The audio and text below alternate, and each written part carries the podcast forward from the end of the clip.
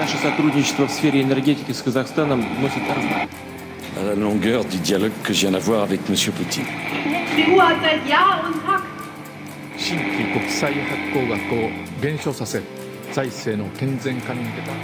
Símbolo del fascismo en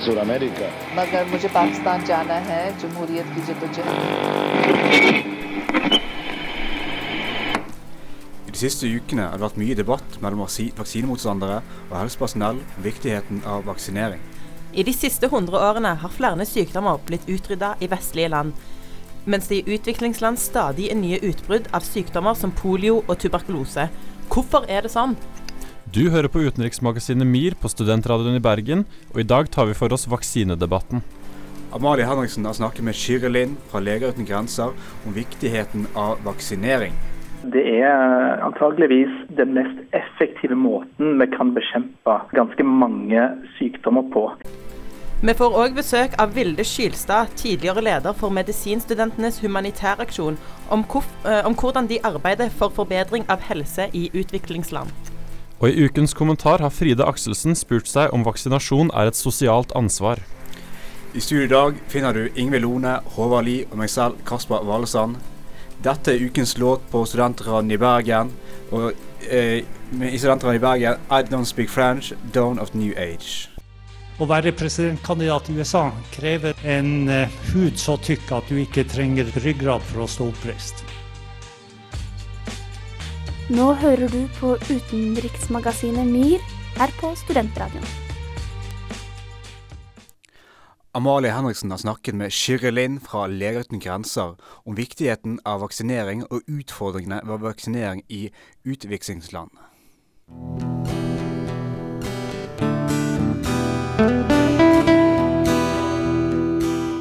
To millioner mennesker dør hvert år av sykdommer som kunne vært forebygget ved hjelp av vaksiner. Det jobbes hardt for å bedre tilgangen på vaksiner i utviklingsland, sånn at alle barn under fem år vil kunne få en vaksine som vil hindre at de blir smitta av dødelige og veldig smittsomme sykdommer. Leger uten grenser har store vaksinasjonskampanjer, og jobber med å spre informasjon om fordelene ved vaksinering over hele verden. Jeg har snakka med programsjef i Leger uten grenser, Kyrre Lind, og han legger vekt på at vaksiner er ekstremt effektivt og vil kunne bidra til å oppnå immunitet i befolkningen mot farlige sykdommer som f.eks. meslinger.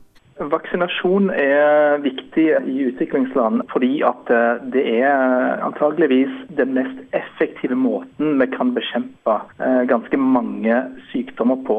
I mange områder i utviklingsland så er det eh, også et veldig dårlig helsevesen fra før av. Vil si at mange mennesker er, lever i sårbare tilstander, og det er stor sjanse for at sykdommer kan spre seg. Leger uten grenser møter på mange utfordringer i sitt arbeid med vaksinering, og dette er som en følge av dårlig infrastruktur og dårlige lokale ordninger. Utfordringen med vaksinering i eh, utviklingsland er um, for det første at de har et, eh, som jeg sa, at de har dårlig utbygd helsevesen. Vil si at eh, de har veldig lite kontakt med, med system som vaksinerer systematisk. Så det blir veldig tilfeldig eh, hvem som får vaksiner. Eh, Det det ene. Det andre er at det ofte er eh, ufremkommelig. Det er langt å reise for helsepersonell å nå ut til, til befolkningen. Det kan være ufremkommelig også fordi at du har dårlig med veier, det kan være jungel, ørken osv. I tillegg så er det mm, en del praktiske utfordringer i utviklingsland. F.eks. at det er mangler elektrisitet. Eh, vaksiner må ofte holdes kalde fra de produseres til de stikkes i armen på pasienten. Altså kalde, dvs. Si, eh, ofte mellom 2 og 8 grader. Og Det er en kjempeutfordring i, eh, i områder hvor det ikke er strøm, sånn at du ikke får kjølt ned vaksinene. Så det er et, et kjempeutfordring. Flere nordmenn har den siste tida uttalt at de ikke ønsker å vaksinere sine barn. Nå ser vi et nytt utbrudd av meslinger i et vestlig land, altså USA. Hvis flere nekter å vaksinere ungene sine, vil dette kunne få store konsekvenser. Vi har jo sett at når det blir vaksinert mer enn 90-95% av befolkningen, så går sykdommene ned. Vi har sett det på polio og meslinger i, eh, i Norge. Så hvis det er en, en, en stor skepsis eh, mot å vaksinere seg, så forsvinner denne her eh, flokkeimmuniteten da, som er oppnådd. Og så blir det rett og slett en, en, spredning i befolkningen av eh, disse sykdommene. Og um, man kan tenke seg meslinger da, som eh, vi ikke vaksinerer. Vi vaksinerer ikke barna våre før de er kommet opp i en, en viss alder. Eh, etter 15 måneder så får barn eh, meslingvaksine. Og det vil jo si at eh, fram til 15 måneder så er et spedbarn utsatt for, eh, for meslinger. Meslinger er en farlig sykdom. Mesling har en, en, en dødelighetsrate i, um, i et land som Norge på 0,3% I et land med et litt annet helsevesen og en større sårbarhet, så kan meslinger ha en dødelighetsrate på 30 Kyrre Lind forteller at antallet barn som har dødd av meslinger har gått mye ned de siste åra, og situasjonen bedrer seg. Allikevel er det mye som må gjøres for at alle skal få tilgang på vaksiner. I, I, mange land, mange fattige land, så vaksineres det ikke godt nok. Det finnes jo en del globale fond og en del eh, globale løsninger som tar sikte på å få vaksinert så mange som mulig. F.eks. Gavi, som er en, en vaksineallianse. Men eh, vi ser jo i eh, flyktningleirer og i eh, krigsområder at eh, det er stor risiko for utbrudd av mange sykdommer. Så Det som er viktig, er å få vaksinert disse sårbare befolkningene. Samtidig er det også viktig å lage vaksiner som er tilpassa de områdene som eh, vi skal vaksinere i. Det er ganske enkelt eh, å vaksinere i Norge. Vi har eh, all logistikk og infrastruktur til å, til å vaksine, få vaksinert alle. Men i et område som f.eks. i Niger, så er det vanskelig og komplisert. Samtidig så er vaksiner fremdeles ganske dyrt. Det er dyrt for et, et fattig land å få kjøpt inn eh, millioner av vaksiner til å vaksinere befolkningen sin. Så vi er nødt til å se på pris på vaksiner eh, og, få gjort det billigere. altså Få tilpassa det sånn at det faktisk er mulig for landet å få vaksinert befolkningen. For at mennesker skal kunne oppnå en flokkimmunitet, må alle som har mulighet til det, vaksinere seg. Leger uten grenser har flere utfordringer foran seg når de skal forsøke å vaksinere så store deler av verdens befolkning som mulig. Men vi ser en forbedring der antallet som er smitta av de dødelige sykdommene, er redusert.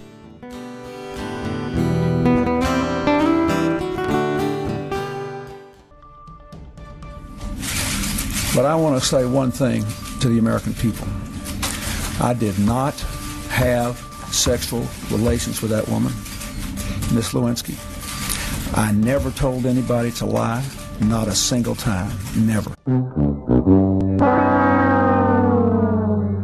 Sannheten kommer alltid for en dag i utenriksmagasinet MIR. Og I studio i dag finner du Ingvild, Håvard og Kasper, og vi tar for oss vaksinedebatten. Og eh, Håvard, FN hadde tidligere som mål om å utrydde malaria, men nå modifisert dette på å si at OK, vi skal bekjempe det. Hvorfor har det egentlig vært den utviklingen? Eh, jo, de satte et veldig ambisiøst mål om å utrydde malaria. Det skjønte jo fort at det klarer de ikke. Det er for eh, stort omfang, og de har jo ingen eh, veldig fungerende vaksine. Det man har per dags dato, er jo myggnett og myggspray. Eh, som ikke holder til å stoppe sykdommen. Det er som Amalie sier i innslaget med kyrilin, at eh, problemet med infrastrukturen er vanskelig å få ut disse her, eh, som du sier, myggspray. Altså, bare, bare sånne enkle ting som det kan bekjempe mye i, eh, i afrikanske land, f.eks.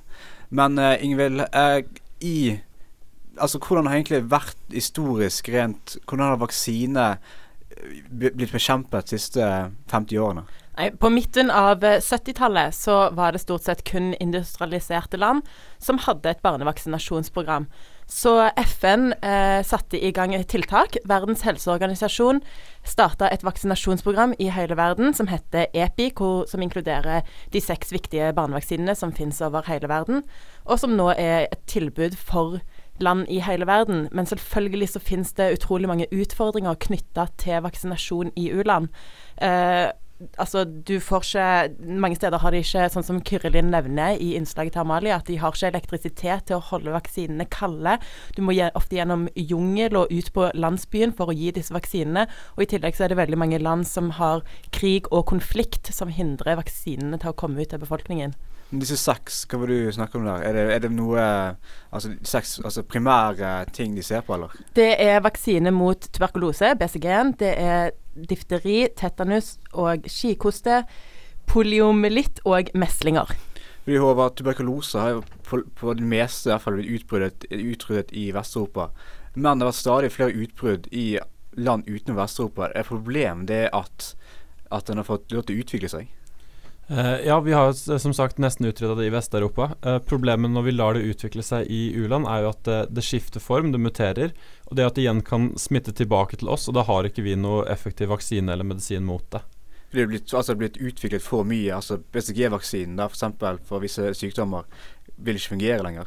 Nei, BCG-en er jo fra Den startet med å lage i 1950, eh, og det har jo utvikla seg siden det.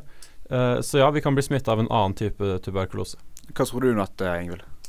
Nei, hvis, nå, hvis det kommer et, uh, et nytt virus som vi ikke har vaksine mot, som klarer å utvikle seg i u-land, og som derfra sprer seg òg til i-land, så må jo legemiddelindustrien uh, raske på å lage en, en, ny vaksine. Det er ikke bare bare, altså Håvard. Når det lov til å utvikle seg slik som det har gjort. Altså Hvis det kommer en modifisert utgave, eller nei, ikke modifisert utgave, men en utgave som blir blitt uh, mye sterkere. Altså, hvordan kan, det, hvordan kan det bekjempes, egentlig? Da må man vel starte litt på nytt, Eh, hvis, eh, hvis, sykdommen er resistent mot de medisinene man har. men igjen, da vil, jo, da vil, man kunne bekjempe det, og bekjempe også den versjonen som er i u-land. så det er ikke positivt, men det kan få en heldig bivirkning at det kommer til Vesten, for da blir det jo virkelig tatt på alvor. Men hvis han har klart å utvikle seg nå til en ny versjon av seg sjøl, så, så burde han jo, hvis vi finner vaksine mot den nå, så kommer han jo til å kunne klare å lage en enda nyere versjon av seg sjøl. Den kommer bare til å utvikle seg og mutere seg videre. Helt klart. Altså F.eks. antibiotika og læring brukes som vidundermiddel mot mange sykdommer. Men antibiotika har blitt svakere, har ikke det, Håvard? Eh, jo, eller vi bruker det mye hyppigere, så blir, eh, bakterier blir resistente mot det. Det virker ikke på en del sykdommer lenger, fordi man bruker antibiotika straks man føler seg litt syk. Det stemmer. Vi skal snart snakke med eh, Vilde Skilstad fra Medisinernes eh, humanitære aksjon. Men før det får vi The Red Coat, 'Scratch of It', her på Studentradioen i Bergen. Mitt navn er Kåre Willoch. Du lytter nå til Studentradioen.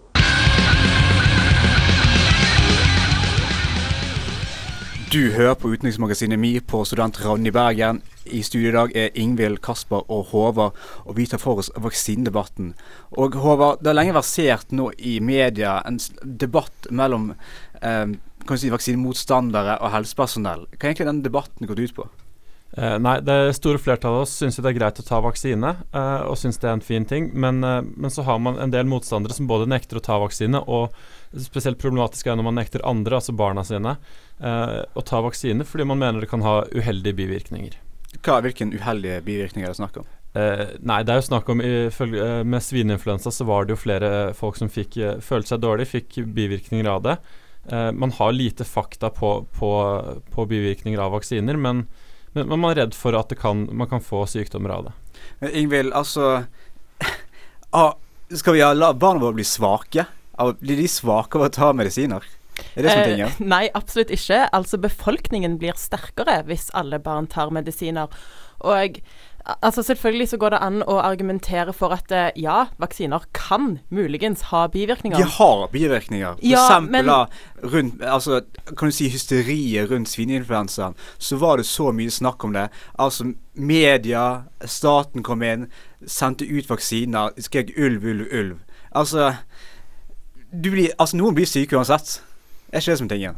Noen ja, men, dør uansett. Ja, men uh, vaksine er jo hele bedre føre var-prinsippet som er eh, det hele Altså det som det går ut på.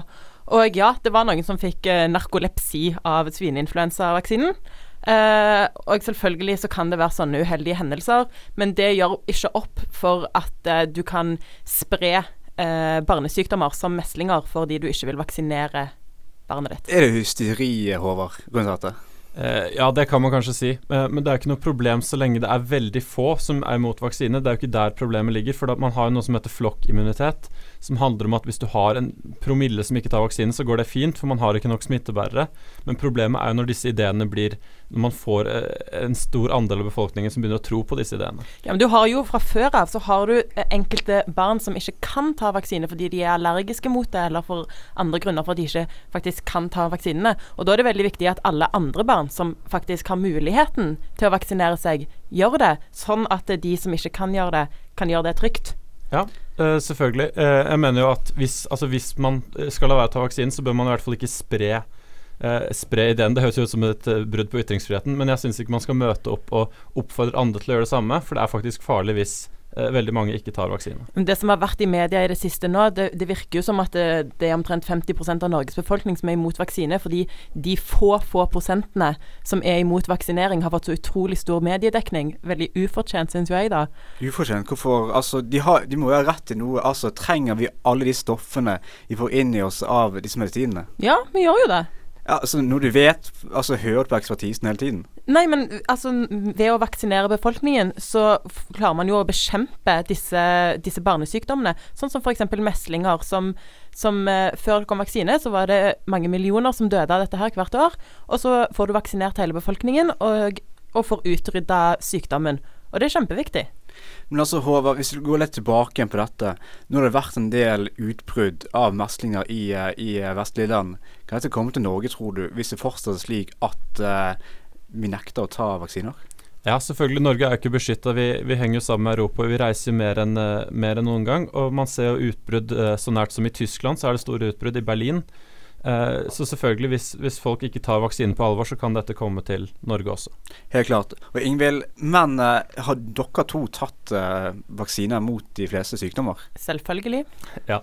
Selvfølgelig. Det har vi alle her i studio gjort. Snart får vi besøk av Ville Skylstad fra Medhum, men før det så får vi Bokasa No Control her på Studentradioen i Bergen. Go a little something like this. Hit it. President Obama said he did not feel that he deserved to be in the company of so many. The committee has attached special importance to, to Obama's vision of and work for a world free from nuclear that have been honored by this prize and whose courageous pursuit of peace has inspired the world. For more inspiration, utenriksmagasinet MIR. Og I dag tar Utenriksmagasinet MIR for seg vaksinedebatten. I studio er det Kasper, Ingvild og Håvard. Og Ingvild, nå har vi fått til inn et besøk. Ja, det har vi. Vi har fått besøk av Vilde Skilstad, som er internasjonal ansvarlig for Norsk medisinstudentforening. Velkommen. Tusen takk for det. Eh, du, eh, under eh, Norsk medisinstudentforening så er det en organisasjon som heter Medhum, som du har vært tidligere leder for. Eh, hva er egentlig denne organisasjonen? Eh, Medum er en innsamlingsseksjon eh, som ligger da under Norsk medisinstudentforening, hvor vi i løpet av to år samler inn penger til et veldedig formål. Som, eh, altså en organisasjon som jobber i et lav- eh, eller mellominntektsland med helsearbeid. Og hvilke, hvilke mm, Hva jobber Medium med akkurat nå? De siste to årene så har vi jobbet med et eh, mor-barn-sykehus i Sierra Leone, og eh, fram til da ebola-utbruddet. Da ebola-utbruddet kom, så måtte de stenge sykehuset, sånn at resten av pengene har gått til eh, ebolabekjempelse i Sierra Leone. Nå har eh, medisinstudentene valgt fram Leger uten grenser igjen, og de skal nå jobbe med tuberkulose i eh, Mumbai i India. I fjor hadde dere et spesielt prosjekt med dere syklet fra var nesten fra Nordkopp til Lindesnes. Eh, var du med på den turen, eller? Jeg var med på turen. Eh, turen var enda lenger. Det var fra Tromsø til eh, Oslo via Trondheim og Bergen. Ja. Så vi tok en liten om, omvei der. Jeg var med fra Tromsø til Trondheim. Men hvordan, altså, hvordan samlet dere inn penger? Var gjennom forskjellige møter, eller? Vi har samlet inn penger eh, via bøssebæring, eh, teater, in, forskjellige arrangementer vi har, eh, har laget. Og på turen også så hadde vi innsamling i alle byene hvor vi, hvor vi stoppet, da. Men så, hvor mye fikk dere inn til eh, i, i fjor, da? Vi fikk inn 2,4 millioner kroner. Er. Vi snakker jo om vaksiner i denne sendingen. Eh, bidrar Medhum noe til vaksinasjon i u-land? Absolutt. Det spørs jo hvilke mm, prosjekt vi samler inn, eh, men, eh, samler inn til. Men som regel så er det jo helsefremmende tiltak. Og vaksinering er jo en vanvittig stor del av helsefremmende og, og sykdomsforebyggende tiltak. Både i, i lav- og mellominntektsland, men også i høyinntektsland. Så i, i fjor så var det jo til dette sykehuset hvor barn fikk, eh, fikk vaksinering eh, mot barnesykdommer som ja, meslinger. Og Hvordan får dere dette her egentlig til? Hvilke internasjonale aktører er det dere samarbeider med? Det spørs hvem som blir eh, valgt av studentene. Nå har vi jobbet med Leger uten grenser i to år, og skal jobbe med dem i to år til. Mm. Så har vi også jobbet med Unicef, Kirkens Nødhjelp, forskjellige organisasjoner som søker til Medum da, om å være deres innsamlingsprosjekt. Har du selv vært i, eh, i land for, for å gjøre et arbeid? Jeg har vært i Sierra Leone på tilsynsreise med Leger uten grenser og sett sykehuset og intervjuet mødre om, eh, om deres situasjon, deres barns situasjon. Hvordan var det i, i Sierra Leone? Hvordan, var, hvordan er tilstanden der på sykehus og helsevesenet? Nå var dette før ebolautbruddet, så det er nok ikke representativt for, for sånn situasjonen er i dag. Men Tror du de eh, var forberedte på et eventuelt utbrudd? De var ikke forberedt på det i det hele tatt. Eller de hadde i hvert fall ikke midler til det i det hele tatt. Eh, syke, altså Helsesystemet i Sierra Leone er ikke spesielt eh, godt utbygd, for det var en borgerkrig der for ti år siden som var vanvittig brutal, og som kneblet landet. Sånn at det å få bygge opp et helsesystem der har vært en kjempestor utfordring de siste to, ti årene. Og til slutt, hvordan kan du egentlig bidra til å støtte eh, denne organisasjonen, hvis du vil gi din støtte? For å støtte Medhum så kan man gå inn på medhum.no. Man kan også eh, melde seg som bøssebærer igjen. I 2016 blir det, da. Og så blir det løpende innsamling eh, både på nett og eh, på, med arrangementer. Vi snakket i sted om den vaksinedebatten som har vært Mm. pågående i Norge. Eh, Hva tenker egentlig dere studenter og kommende leger om dette? Norsk medisinstudentforening mener det er svært viktig at vi jobber hardt for å, å bevare flokkimmuniteten i Norge, og også at vi jobber med det internasjonalt. Eh, det er svært viktig at folk eh, forstår det solidariske aspektet ved vaksinering, og at de forstår hvor farlige disse sykdommene absolutt kan være. Så det er noe vi, vi håper at helsemyndighetene skal jobbe enda hardere med at vi, at vi oppnår det. Så det er for lite, mener, det er for lite informasjon som gjør at folk eh, tror at vaksinen ikke hjelper, at vaksinen ikke er nødvendig. Eller er det bare noe de tenker selv fordi det har vært disse eh, snakk om f.eks. svineinfluensa for fem år siden? Det er veldig delt. Altså, man kan snakke om vaksinehesitasjon i lav- og mellominntektsland, hvor kunnskap er en veldig stor del av, eh, av grunn, grunnlaget for at ikke de bruker det. De forstår ikke hvordan det fungerer. I Norge så har vi en helt annen situasjon hvor folk har tilgang på all denne kunnskapen. Men jeg tror det handler mye om, eh, om hvem de har tillit til, om hvem de, eh, hvem de søker råd hos. Og at man ikke forstår kanskje konseptet rundt vaksinering, fordi det er litt kontraintuitivt å injisere noe som, som er en sykdom. Men da må man huske at dette her beror på akkurat det samme prinsippet som hvis du blir syk selv og blir immun etterpå. Bare at man slipper eh, det lange sykdomsforløpet som potensielt kan være svært alvorlig. Da takker vi for det til deg, Ville Skylstad fra Norges medisinstudenter, eh, og Medhum, tidligere leder der. Nå får vi Austin Basham med 'Running' her på Studentradioen i Bergen. Is, is, is no good. Erdogan. Putin. Is, is no good. Rouhani. Alle ville lede sine land tilbake til storhet. Følg med på utenriksmagasinet MIR for mer om deres sleske planer. Frida Akselsen har i ukens utfordring sett på vaksinering skal være et sosialt ansvar eller et ansvar for legemiddelindustrien. This world is lonely and cold. Oh, I guess I'll go back home. Jeg var i gang med å gjøre litt research for denne kommentaren, og jeg ville søke opp hvorfor vaksiner var så viktige. Jeg gikk inn på Google og tastet inn 'Hvorfor er vaksiner?' Og vet dere hva som kommer først? Hvorfor er vaksiner dårlige? Hvorfor er vaksiner ueffektive? Og deretter kom det jeg lette etter. Hvorfor er vaksiner viktige? Jeg mener at det er mange viktige argumenter for å vaksinere sine barn. Samfunnsansvar er en viktig grunn. En grunn som skinner igjennom nesten alle argumentene for vaksinering. Og dette er det jeg mener er et viktig poeng i denne debatten. For vaksinering handler ikke kun om ditt barn og ditt barns helse, selv om det også er viktig. Men det handler om et helt samfunn sin helse. Det finnes mange barn som ikke kan bli vaksinert, grunnet allergi for vaksiner eller andre sykdommer som hindrer dem i å få tatt vaksinen. Disse barna er helt avhengig av at alle andre har tatt sine vaksiner. Og i land hvor små deler av befolkningen ikke er vaksinert, er det disse svakeste barna som mest sannsynlig får sykdommene som man vaksineres mot. Dermed er dette med et sosialt ansvar veldig viktig. Jeg vil kanskje hevde at det er det viktigste argumentet i denne debatten. Det du gjør med ditt barn, er din sak. Til en viss grad, selvfølgelig. Om ditt barn får lov å spise sjokolade til middag hver dag, kjør på. Men når valget du gjør for ditt barn kan påvirke andre barn sitt liv, syns jeg du som foreldre og som samfunnsborger må føle på ditt ansvar.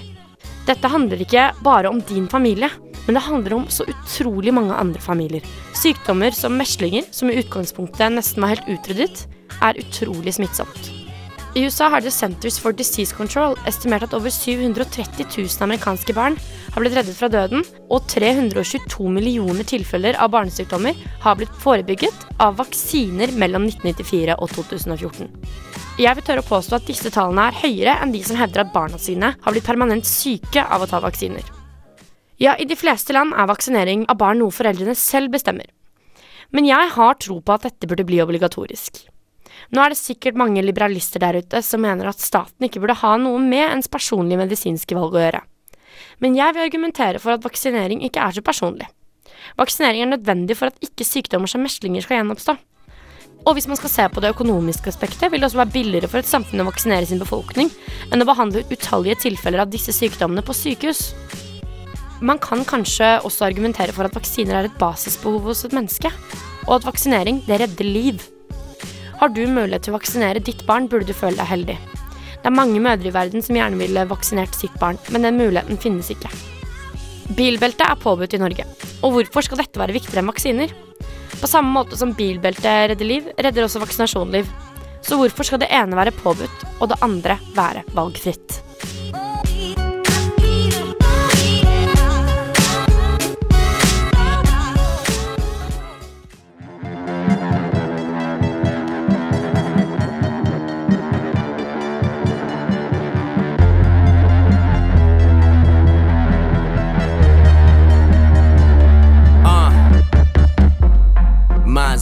Up, dime saved up, that ain't me. File papers, Lord save us, that ain't me. Nine to five just to stay alive, you know that ain't me. Trying to make it seem like we won't survive, you know that ain't me. Working hard but no day job, never doing nothing, no days off, and it pays off like that's all I need. And now all I see is our takeoff. We knew what we wanted before we could spell it, forget it. If you want the merits, make sure that you get it. End up with no credit, just like we did when we did it no better. So now I am making the choices they couldn't. The way that it's looking, we dodging the bullet. The stun of the century, watch as we pull it off. I am standing my ground, I ain't moving. Your questions are foolish. What you think we doing? We up on the edge, don't you wish you could push us off?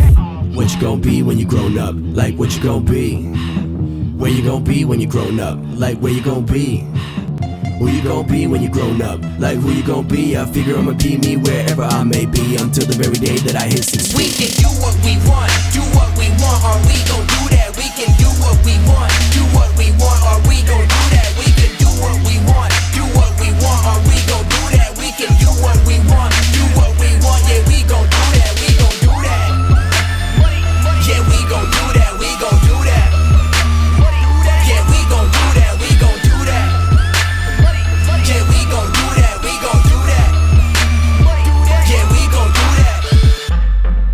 chaser, trailblazer, that's more like it. I'm making moves you uncomfortable, cause I switch it up if I feel like it. I don't know and I don't care. Don't it seem that way? What will I be when I'm grown up? I don't live long enough to ever see that day. It's a new school, nostalgic over your old days. That means new rules. If you don't like it, then you don't play. To be honest, I don't really even mind what you've been through. Let's make it official. I'm raising a fist full of rage from the age when you didn't take with you the dreams that you withdrew. Right. So now I am making the choices they couldn't. The way that it's looking, we dodging the bullet. The stun of the century, watch as we pull it off. I am standing my ground, I ain't moving. Your questions are foolish. What you think we doing? We up on the edge, don't you wish you could push us off? What you gonna be when you grown up? Like what you gonna be?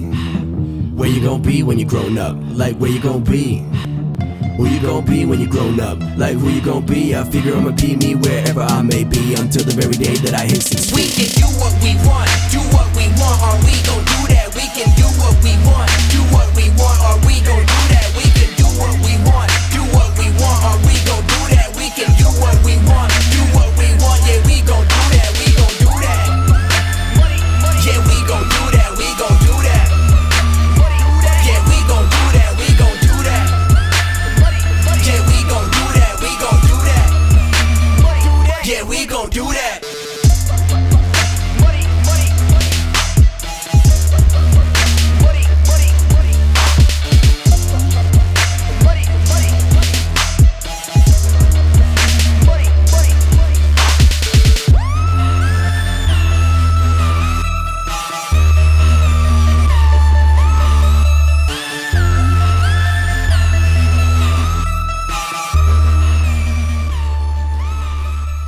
Kin med Do That her på Studentradioen i Bergen. Du hører på utenriksmagasinet MIR.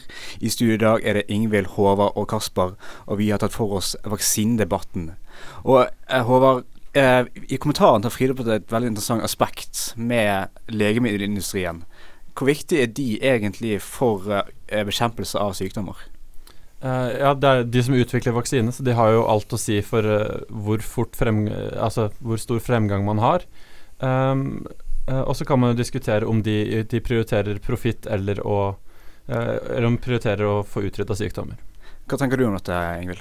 Nei, jeg er jo på en måte så naiv at jeg tenker at eh, folk som har studert medisin og farmasi, vil redde liv. De er ikke bare ute etter profitt. Altså, i alle, I alle arbeidsgrupper så kommer du til å finne grådige folk, og det gjør du selvfølgelig i legemiddelindustrien òg. Men jeg liker å tro at de vil redde liv. Altså, vil redde liv. Altså, det vil uansett. Men hvorfor er det egentlig snakk om dette, Håvard?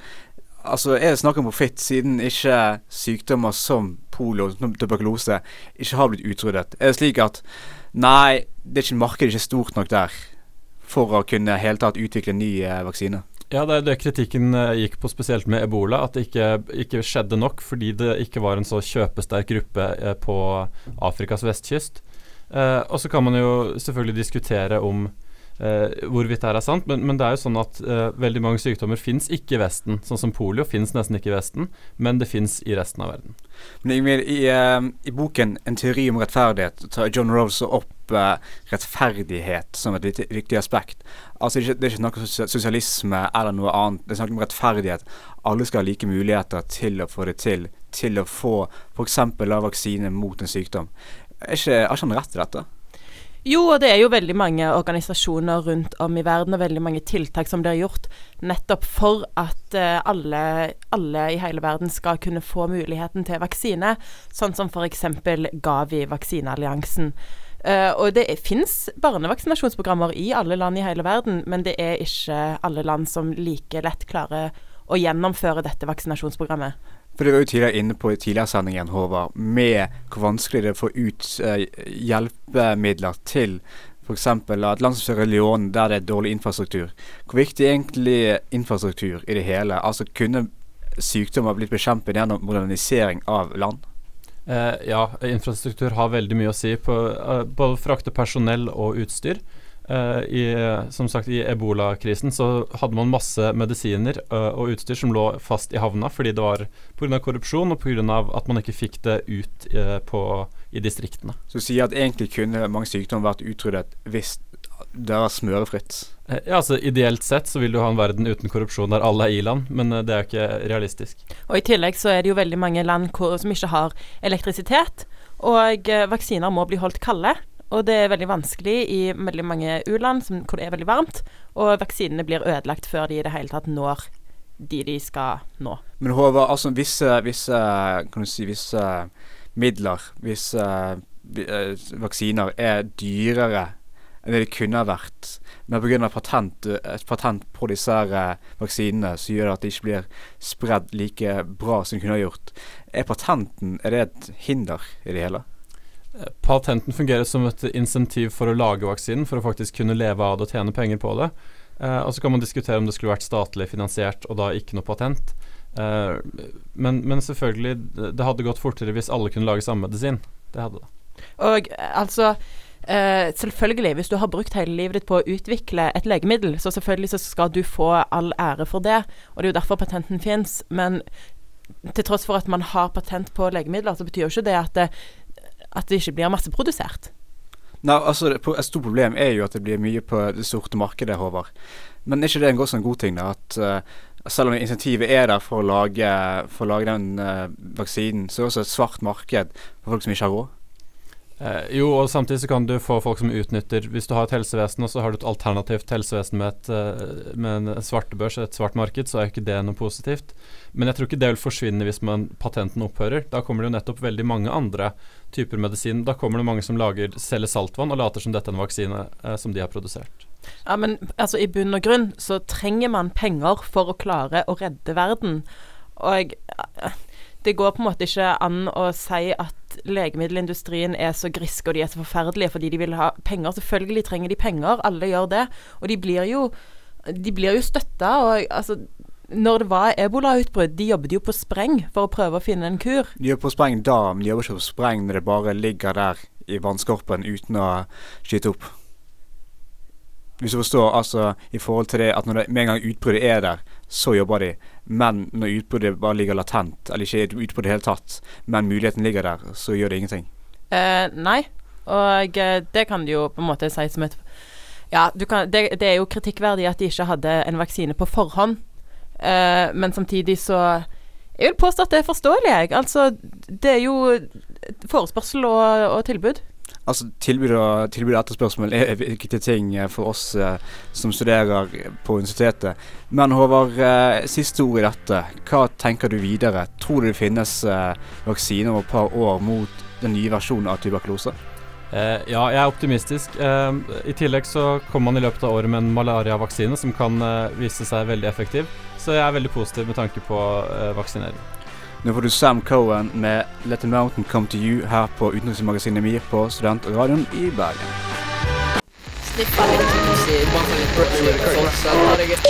Fra 1. april kan du høre Studentradioen i Bergen på DAB. I siste timen har du hørt på Utenriksmagasinet Mi her på Studentradioen i Bergen. Du har hørt eh, Ingvild, Håvard og Kasper. Og vi har snakket om hva, Ingvild? Vi har tatt for oss eh, vaksinedebatten som har eh, herja litt i det siste. Eh, vår medarbeider Amalie Henriksen har snakka med Kyrre Lind fra Leger uten grenser. Og i studio her har vi fått besøk av Vilde Skylstad, tidligere leder for Medisinstudentenes humanitære aksjon. Frida Akselsen hadde ukens kommentar, eh, og du finner oss på Facebook, Twitter og Instagram. Veldig bra. Eh, ha en god helg videre. Hør på oss senere også. Podkasten av dette kommer ut senere. På SRIB slash utenriksmagasinet finner du andre podkaster også. Etter oss kommer Plutopop her på Studentradioen. I studio har Kasper, Ingvild og Håvard. Produsent har vært Daniel Johannessen. God helg til alle dere. Her kommer Mayflower Madame med 'Lovesick'.